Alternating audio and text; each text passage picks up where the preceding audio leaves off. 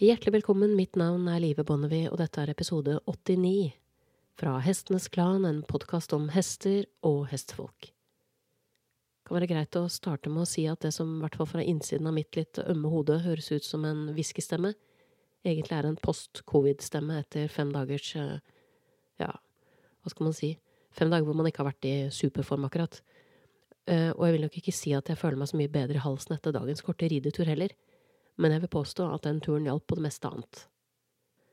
Det er nemlig noe veldig fascinerende som oppstår i møtet mellom mennesket og hesten, som ikke bare gjør godt for oss som rir eller eier hester, men også virkelig kan flytte fjell for mennesker som har det tungt, for eksempel som følge av psykiske utfordringer, traumer eller ulike former for misbruk.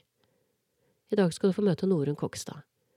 Hun er utdannet psykodynamisk psykoterapeut, jobber som forsker er lege med spesialisering i psykiatri, og hun lar ikke minst hestene på gården sin få ta aktivt del i det som kalles hestefasilitert terapi. Da jeg kom kjørende inn på tunet hennes etter mørkets frembrudd, så var de store lysende glassflatene i det nye ridehuset det første jeg la merke til. Det er de som guider meg til rett gård, der den ligger i en helling med utsikt ned mot Mjøsa. Vi setter oss i et tilstøtende undervisningsrom som ikke er helt ferdig møblert ennå, så veggene i rommet gir litt mer gjenklang enn normalt.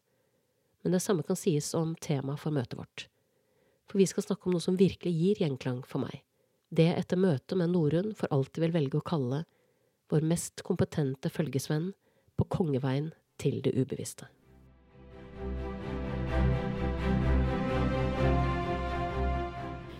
Trykker jeg på rekk, og så mm. rigger jeg meg til. Ja. Hei, Norunn. Hei. Det er lenge siden. Mm. Vi traff hverandre på et hestekurs, husker jeg veldig godt. Et horsemanship-kurs. Det er jeg mener, 20 år siden eller noe sånt. Mer, kanskje. Ja, det er i hvert fall 20 år siden. Det tror jeg. Og så har jeg jo fulgt litt på nettet i forhold til um, hva du driver med. Men det kunne vært hyggelig å ha hatt en sånn liten oppsummering om hvor uh, Selvfølgelig vet jeg hva vi skal snakke om, men liksom, hva du har gjort siden sist. Ja, ja, ikke sant? Ja, det her var vel um, på slutten av 90-tallet. Da hadde jeg, uh, hadde jeg en stall hvor jeg hadde en del islandshester uh, som jeg drev og hadde noe temming og trening og hadde noen hester i trening.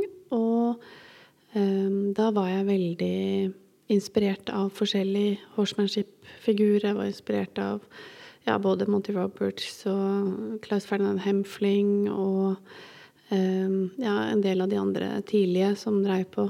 Men jeg fant liksom ikke helt, uh, helt basen min der. Og så um, dro jeg til Ungarn og studerte medisin.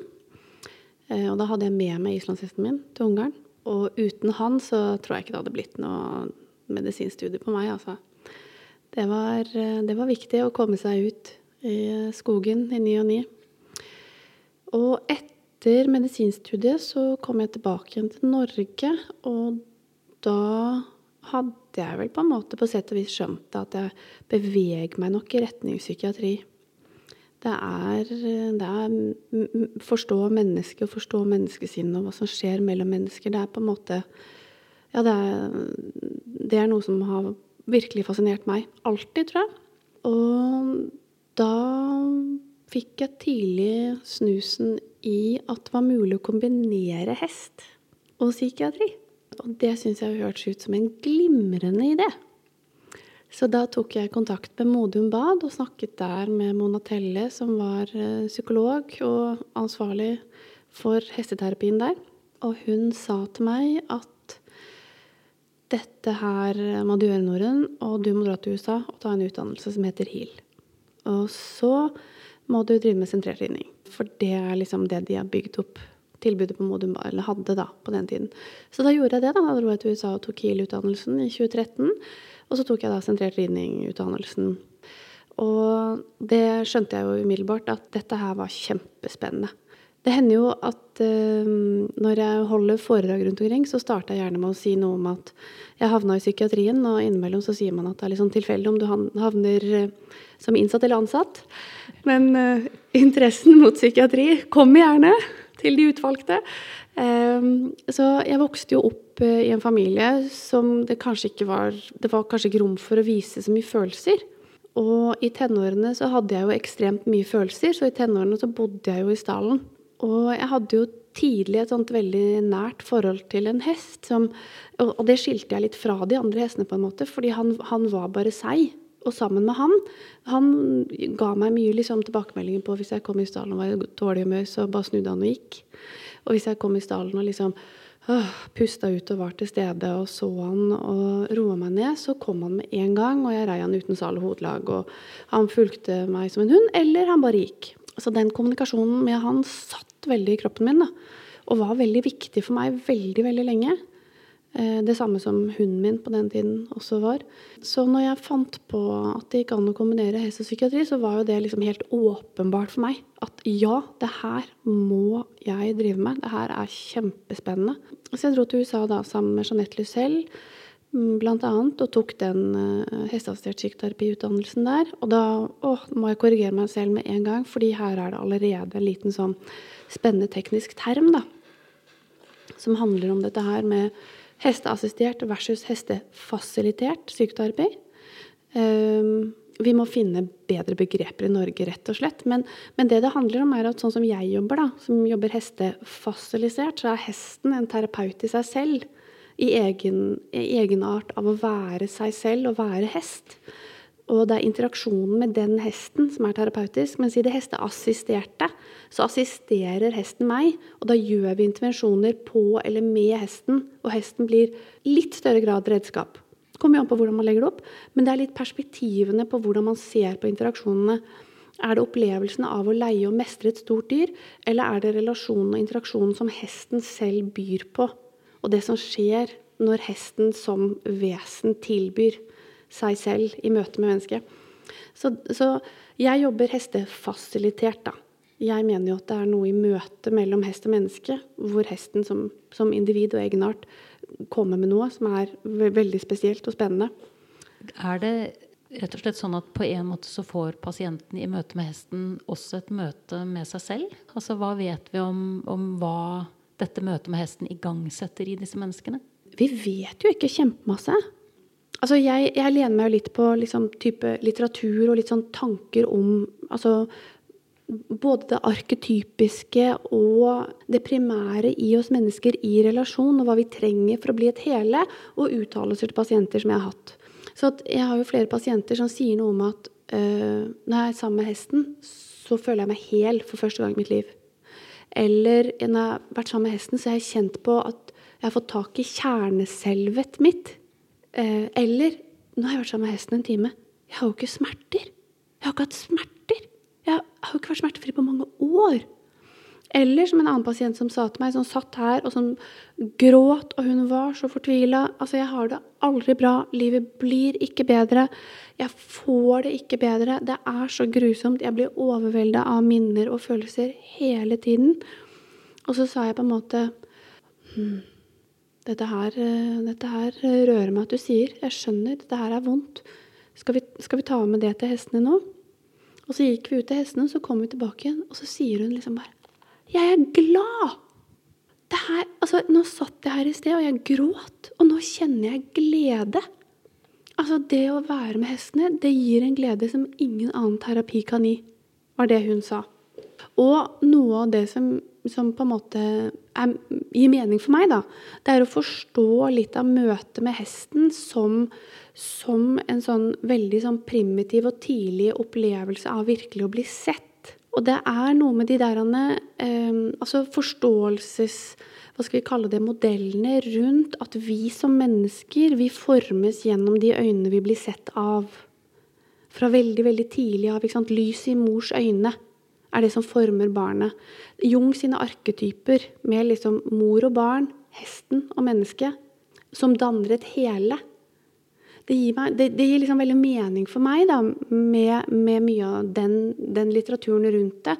Dette her med å på en måte bli sett, bli opplevd, bli speilet av et annet levende menneske som går inn i det på en måte helt tidlige, primitive av oss. Altså Vi snakker om menneskets emosjonelle utvikling. Hvor du på en måte starter med det somatiske. altså bæ, Vi bare gråter det helt instinktive, og så kommer med det somatiske. Og så kommer på en måte det At du, at du, agerer det motoriske, og så kommer det imaginære. Man begynner å kunne tenke om sine følelser og emosjoner. Og så kommer det verbale. Og så tenker vi oss at hesten den møter oss på et veldig veldig tidlig emosjonelt nivå. Eller sånn som Lacan snakker om, det imaginære nivået. da. Så han snakker om det, han har en litt annen fasedeling. Og at den opplevelsen av å på et eller annet vis bli så sett og observert og respondert på, gjør noe med det helt primitive i oss.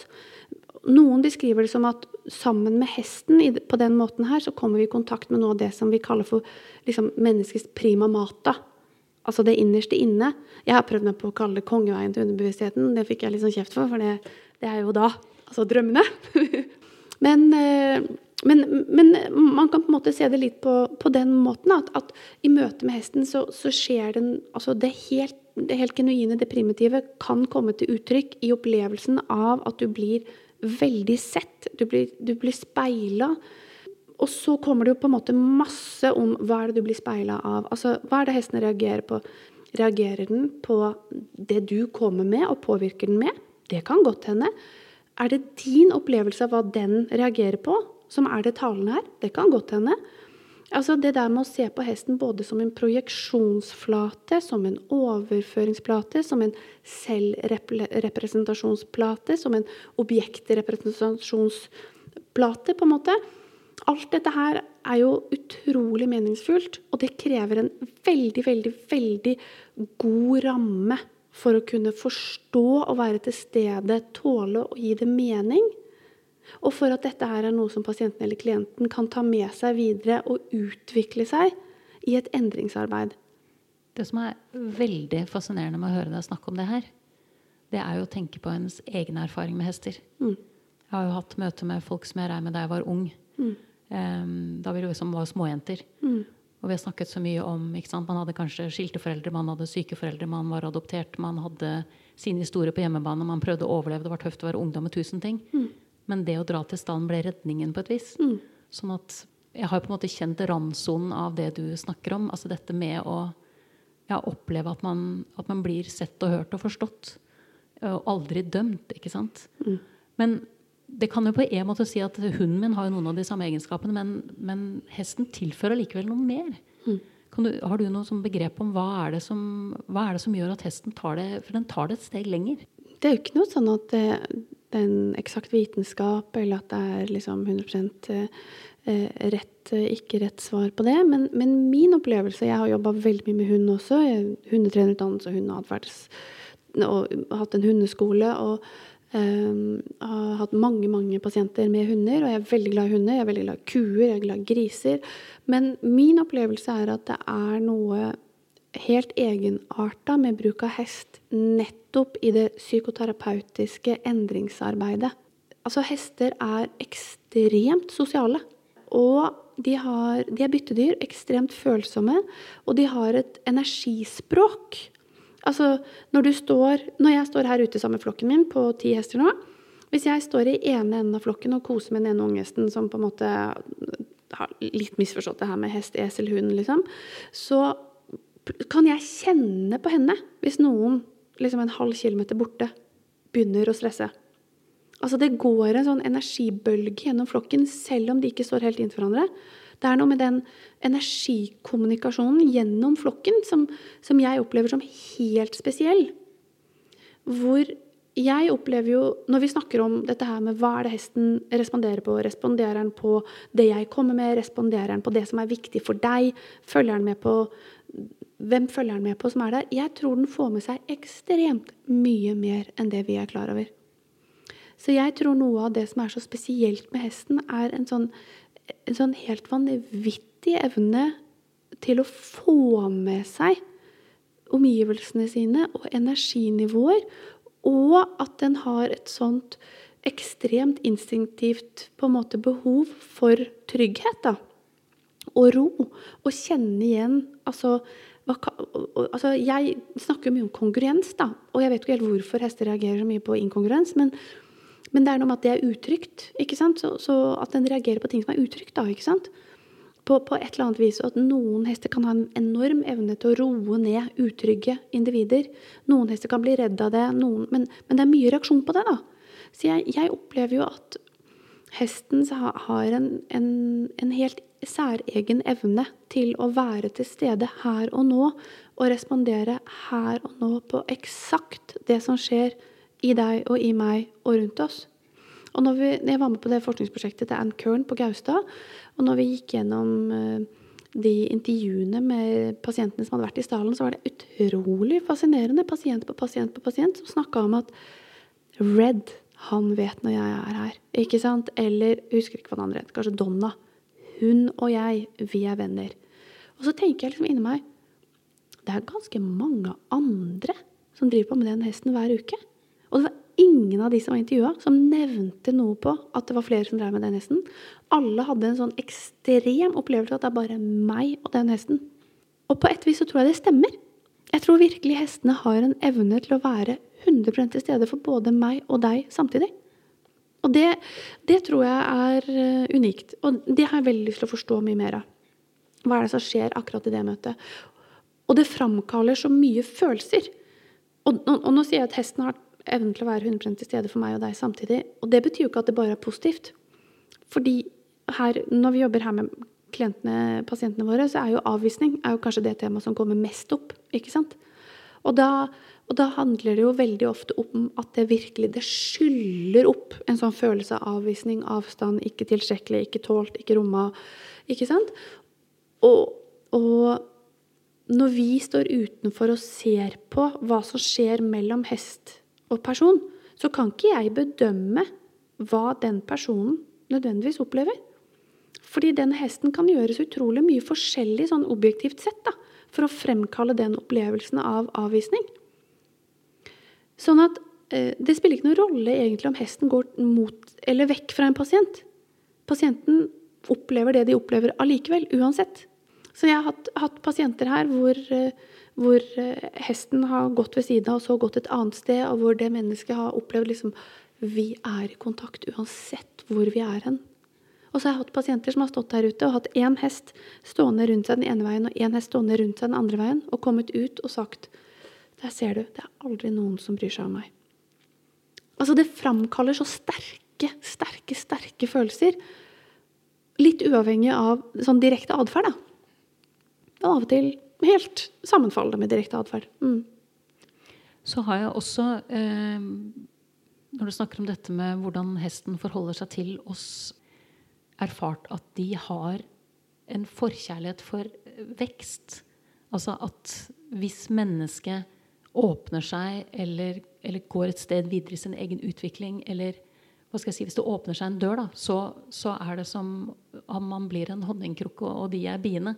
Altså jeg har sett så mange situasjoner hvor enten et møte mellom to hester eller et møte mellom hest og menneske tiltrekker seg oppmerksomheten fra de andre hestene fordi det skjer noe skjellsettende i det møtet. Mm. Sånn at de har en, det er et eller annet med at jeg har en ekstrem følsomhet i forhold til Jeg tror jeg har innimellom tenkt at hvis alle individer er sitt fulle potensial i en flokk, så er sjansen for overlevelse større. Og at det at de da erfarer at noen kommer dit hvor de skal være, hvor ting kan være på en måte så i balanse som mulig, så, så betyr det overlevelse. Det betyr trygghet, som du sier. Da. Altså at, at jeg bare synes Det har vært utrolig fascinerende de gangene jeg har vært vitne til hestebrukte terapeutisk arbeid og tilsvarende ting, at, at de har en så ekstremt sterk fascinasjon av å følge med på det og ta del i det. Den, det er på en måte den sosiale kompetansen du snakker om som de har. Altså de er, at de er ytterst sosiale og kombinerer det med å være veldig følsomme. Da. Mm. Eh, men også det hvordan, ja, hvordan, jeg selv har opplevd at hester har lest meg når jeg har kommet til stallen opp gjennom årene uten at jeg har hatt de store problemene, men, men, den følelsen over å ja, bli tatt inn som den man er i sin helhet. Mm. Og, og, bli ja, sett, hørt, forstått, mm. følt. Mm.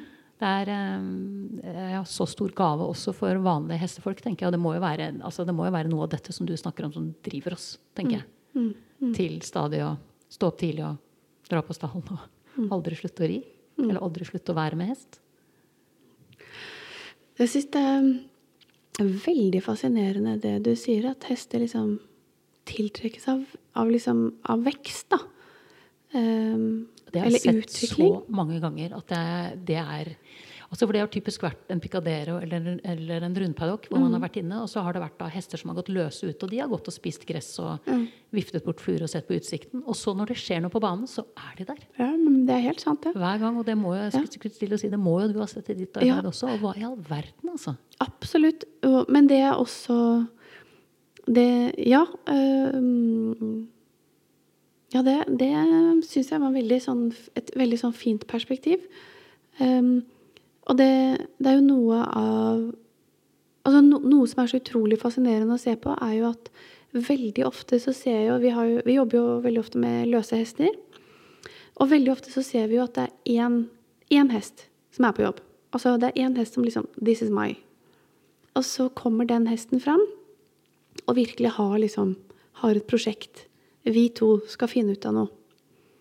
Og det er helt utrolig fascinerende å se på hvordan flokken på et eller annet vis øhm, ja, altså, det blir en sånn enorm sånn samhandling i flokken med de andre som står der og liksom bare uh, grounding, liksom.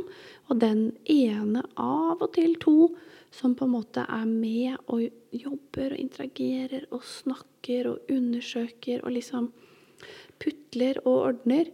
Og så er det helt fantastisk med det øyeblikket når et eller annet liksom ah, slipper, eller noe kommer, eller liksom ja, en innsikt, eller liksom noe virkelig faller på plass. Da er det veldig ofte at flere kommer. Så ja, det er helt riktig, det. Altså, jeg har jo ikke sett på det på den måten. Jeg har mer sett på det som liksom prosessarbeidet. Og så ser, jo, ser vi jo veldig ofte at når på en måte det har vært prosessarbeid, og man har kommet i et eller annet i det kontaktfeltet For det er liksom det kontaktfeltet det handler om, føler jeg, da. Um, når da timen er avslutta, så er det akkurat som den hesten som har vært der, den er bare med hele tiden. Og bare følger og liksom Det er, Det er helt sånn zone in på, på den eh, personen eller den prosessen som har vært. Mm. Ja, det skal jeg tenke mer på. Tror jeg er veldig Veldig godt tenkt, altså. Mm. Er så interessant det du snakker om. Og så interessant å høre hva slags erfaringer du har. Jeg lurte på, um, Kan du si litt om den flokken med hester du har her, og hvordan du jobber med dem? For du sier jo et viktig stikkord, syns jeg, og det er at du jobber veldig ofte med hestene løse. Mm. Du sier et annet viktig stikkord, og det er at ofte er hesten på den andre siden av et gjerde. Mm. Kan du si litt om hvorfor det er sånn du vanligvis jobber? Ja, altså, du kan tenke deg at når jeg jobber med hestene mine her, så jobber jeg med hestene på lik linje som med meg sjøl. Ikke sant? Altså, hestene, de, de har 100% egenverd i, i seg sjøl. De, de gjør jobben som de vil. De er med hvis de vil. De tilbyr det de har lyst til å gjøre. De, de er på en måte De er mine samarbeidspartnere som er eksepsjonelt viktige. De er mine koterapeuter. Det var litt sånn som jeg har ei, ei ny på stallen som skulle få lov til å ri den ene hesten litt på tur. Fordi det er, altså, den er dønn stødig, elsker å gå på tur. Det å sale på den, ri den på en tur, det er jeg 100 trygg på at noen kan gjøre. Og så spurte hun om hun kunne få lov til å det, ha den løs, og så kunne en annen dame komme, og da er det full brems. Nei, nei, nei, nei. Nei, nei, nei. nei, nei, nei. For det er ikke en jobb som, som på en måte han utfører på rutine, ikke sant? Det er i kommunikasjon. Sånn at hestene her eh, i jobb prøver vi så godt vi overhodet kan å bli kjent med. Samarbeide med de på bakgrunn av hva de liker å drive med, hva de har lyst til å være med på, hva slags personlighet de har. Og om de syns dette her er ålreit eller ikke ålreit, hvordan de har lyst til å jobbe, hvem de har lyst til å jobbe sammen med, hvor de har lyst til å jobbe, hva de har lyst til å drive med, hvem er det som kommer og har lyst til å være med. Jeg har jo brukt mange år på å plukke ut en flokk som jeg er trygg på, og som eh, har lyst til å jobbe sammen med mennesker, og som funker i flokk, og som For de går ute alle sammen sammen Ja. på utegang? Ja, det, det sier man jo i all form for hesteterapi. Jeg vil jo si i all form for hest, hesting. At eh, vi kan bare ha hester i flokk. Ja. Og i hvert fall i hesteterapi så er man altså, Der er det jo en 100 konsensus gjennom tror jeg, alle, alle de forskjellige formene og retningene at hestene må gå i flokk, ellers så funker det ikke. Altså, Du kan ikke få en hest til å interagere, med mennesker hvis de ikke får kommet ut og sosialisert seg, avreagert og liksom hatt fri. Så hestene går i flokk. Eh, de går ute så mye som mulig. De fleste går på utegang. Eh, hvis de ikke har noe sykdom eller et eller annet som skjer. Eh, vi trener jo alle hestene fysisk, altså, sånn at de også skal være i ålreit form. Vi passer på at alt utstyret passer. De skal alltid ha god oppfølging på høver. Alt, alt skal være De skal ha det veldig bra da, på alle områder. Det er vi veldig opptatt av. De skal ha gode liggeplasser så de kan sove når de har lyst til det. Og vi er jo veldig opptatt av at flokken skal ha det bra sammen. Vi, det er jo ikke sånn at vi putter hester sammen, så finner de ut av det.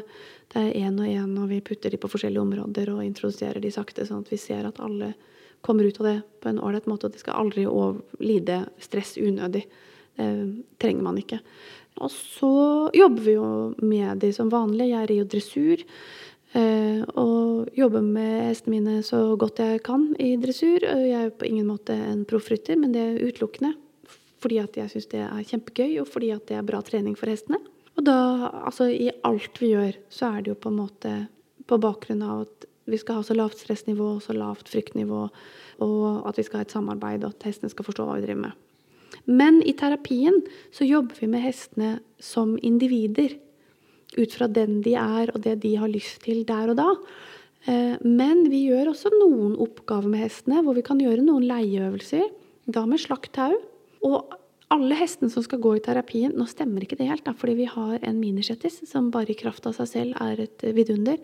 Men utover det så, så er det liksom alle hestene vi har, jobber med i terapien, skal ha veldig god grunnleggende altså utdannelse. De skal på en måte ha lært pedagogisk og trygt og godt og stødig at det er få ting som er farlig. Vi mennesker håndterer de med respekt. Hvis de sier fra at noe er vondt, så hører vi på det, og de skal kunne start og stopp, de skal kunne bli bindt, de kan, skal kunne flytte seg frampart, bakpart. Altså de skal være komfortable med alle normale bakkearbeidsøvelser som vi eventuelt kan finne på å bruke. Vi kan også bruke noen form for løsarbeid, men da i en eh, Nå tenker jeg på sånn type join-up eller få opp og ned energien, men i en veldig sånn begrensa form.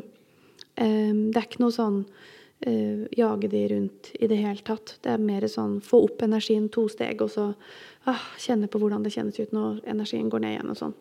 Eller så jobber hestene løs og gjør det de vil i terapien.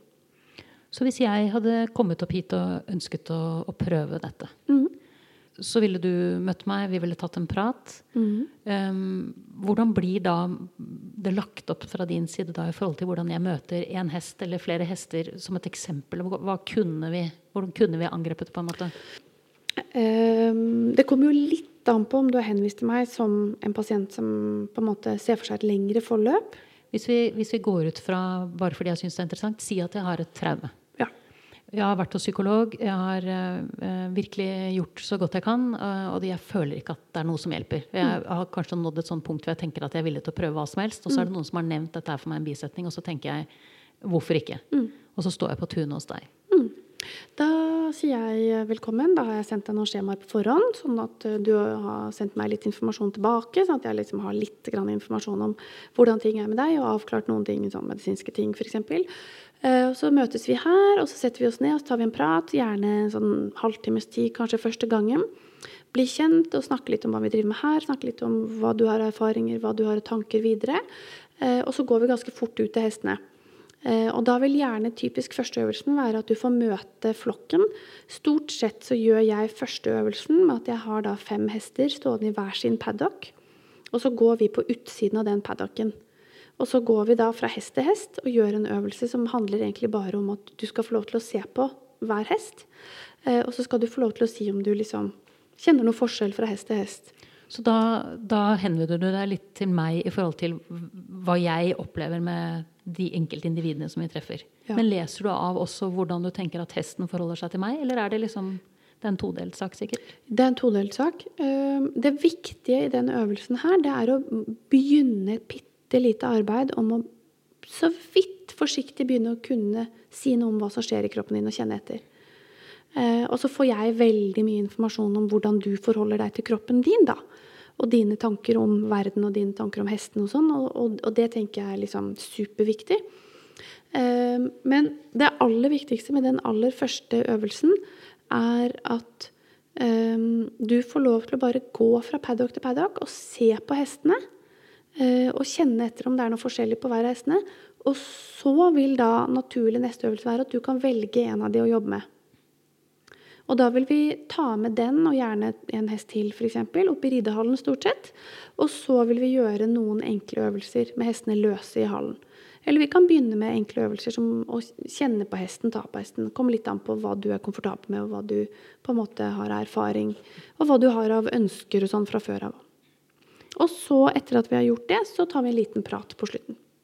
Det høres uh, en blanding av å høre smått ut og stort ut. Mm. Smått fordi jo, men hun har bare hilst på noen hester, og så har hun bare gått uh, rundt med dem etterpå i, i ridehuset. Og stort fordi jeg har drevet med hest i mange år selv. Mm. Og vet jo hva de kan gjøre av inntrykk på oss. Mm. Mm.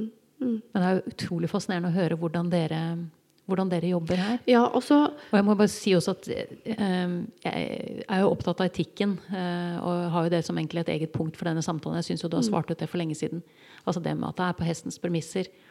eh, og at de stort sett er løse, og at du har dette gjerdet imellom. At ting går veldig gradvis. Og eh, at man ikke blir grådig eller tar det for gitt at de skal hjelpe til, men at det er et aktivt valg. For det har jeg også sett selv at disse hestene som føler at her kan jeg bidra med noe, de trer fram. Så det er så fantastisk å høre at dere jobber med den filosofien her òg. Jeg tenker det er helt avgjørende. Mm. Ja, det gjør vi, det gjør vi veldig. Og, og, og noe av det som kan skje i en sånn prosess Altså um, Det er jo nettopp det der med å føle seg valgt. Og for så mange av klientene som kommer hit med voldsomme historier og vanvittige liksom, ja, opplevelser tidligere i livet, og de kan gjerne ha lange, lange terapiforløp bak seg og masse terapiavbrudd.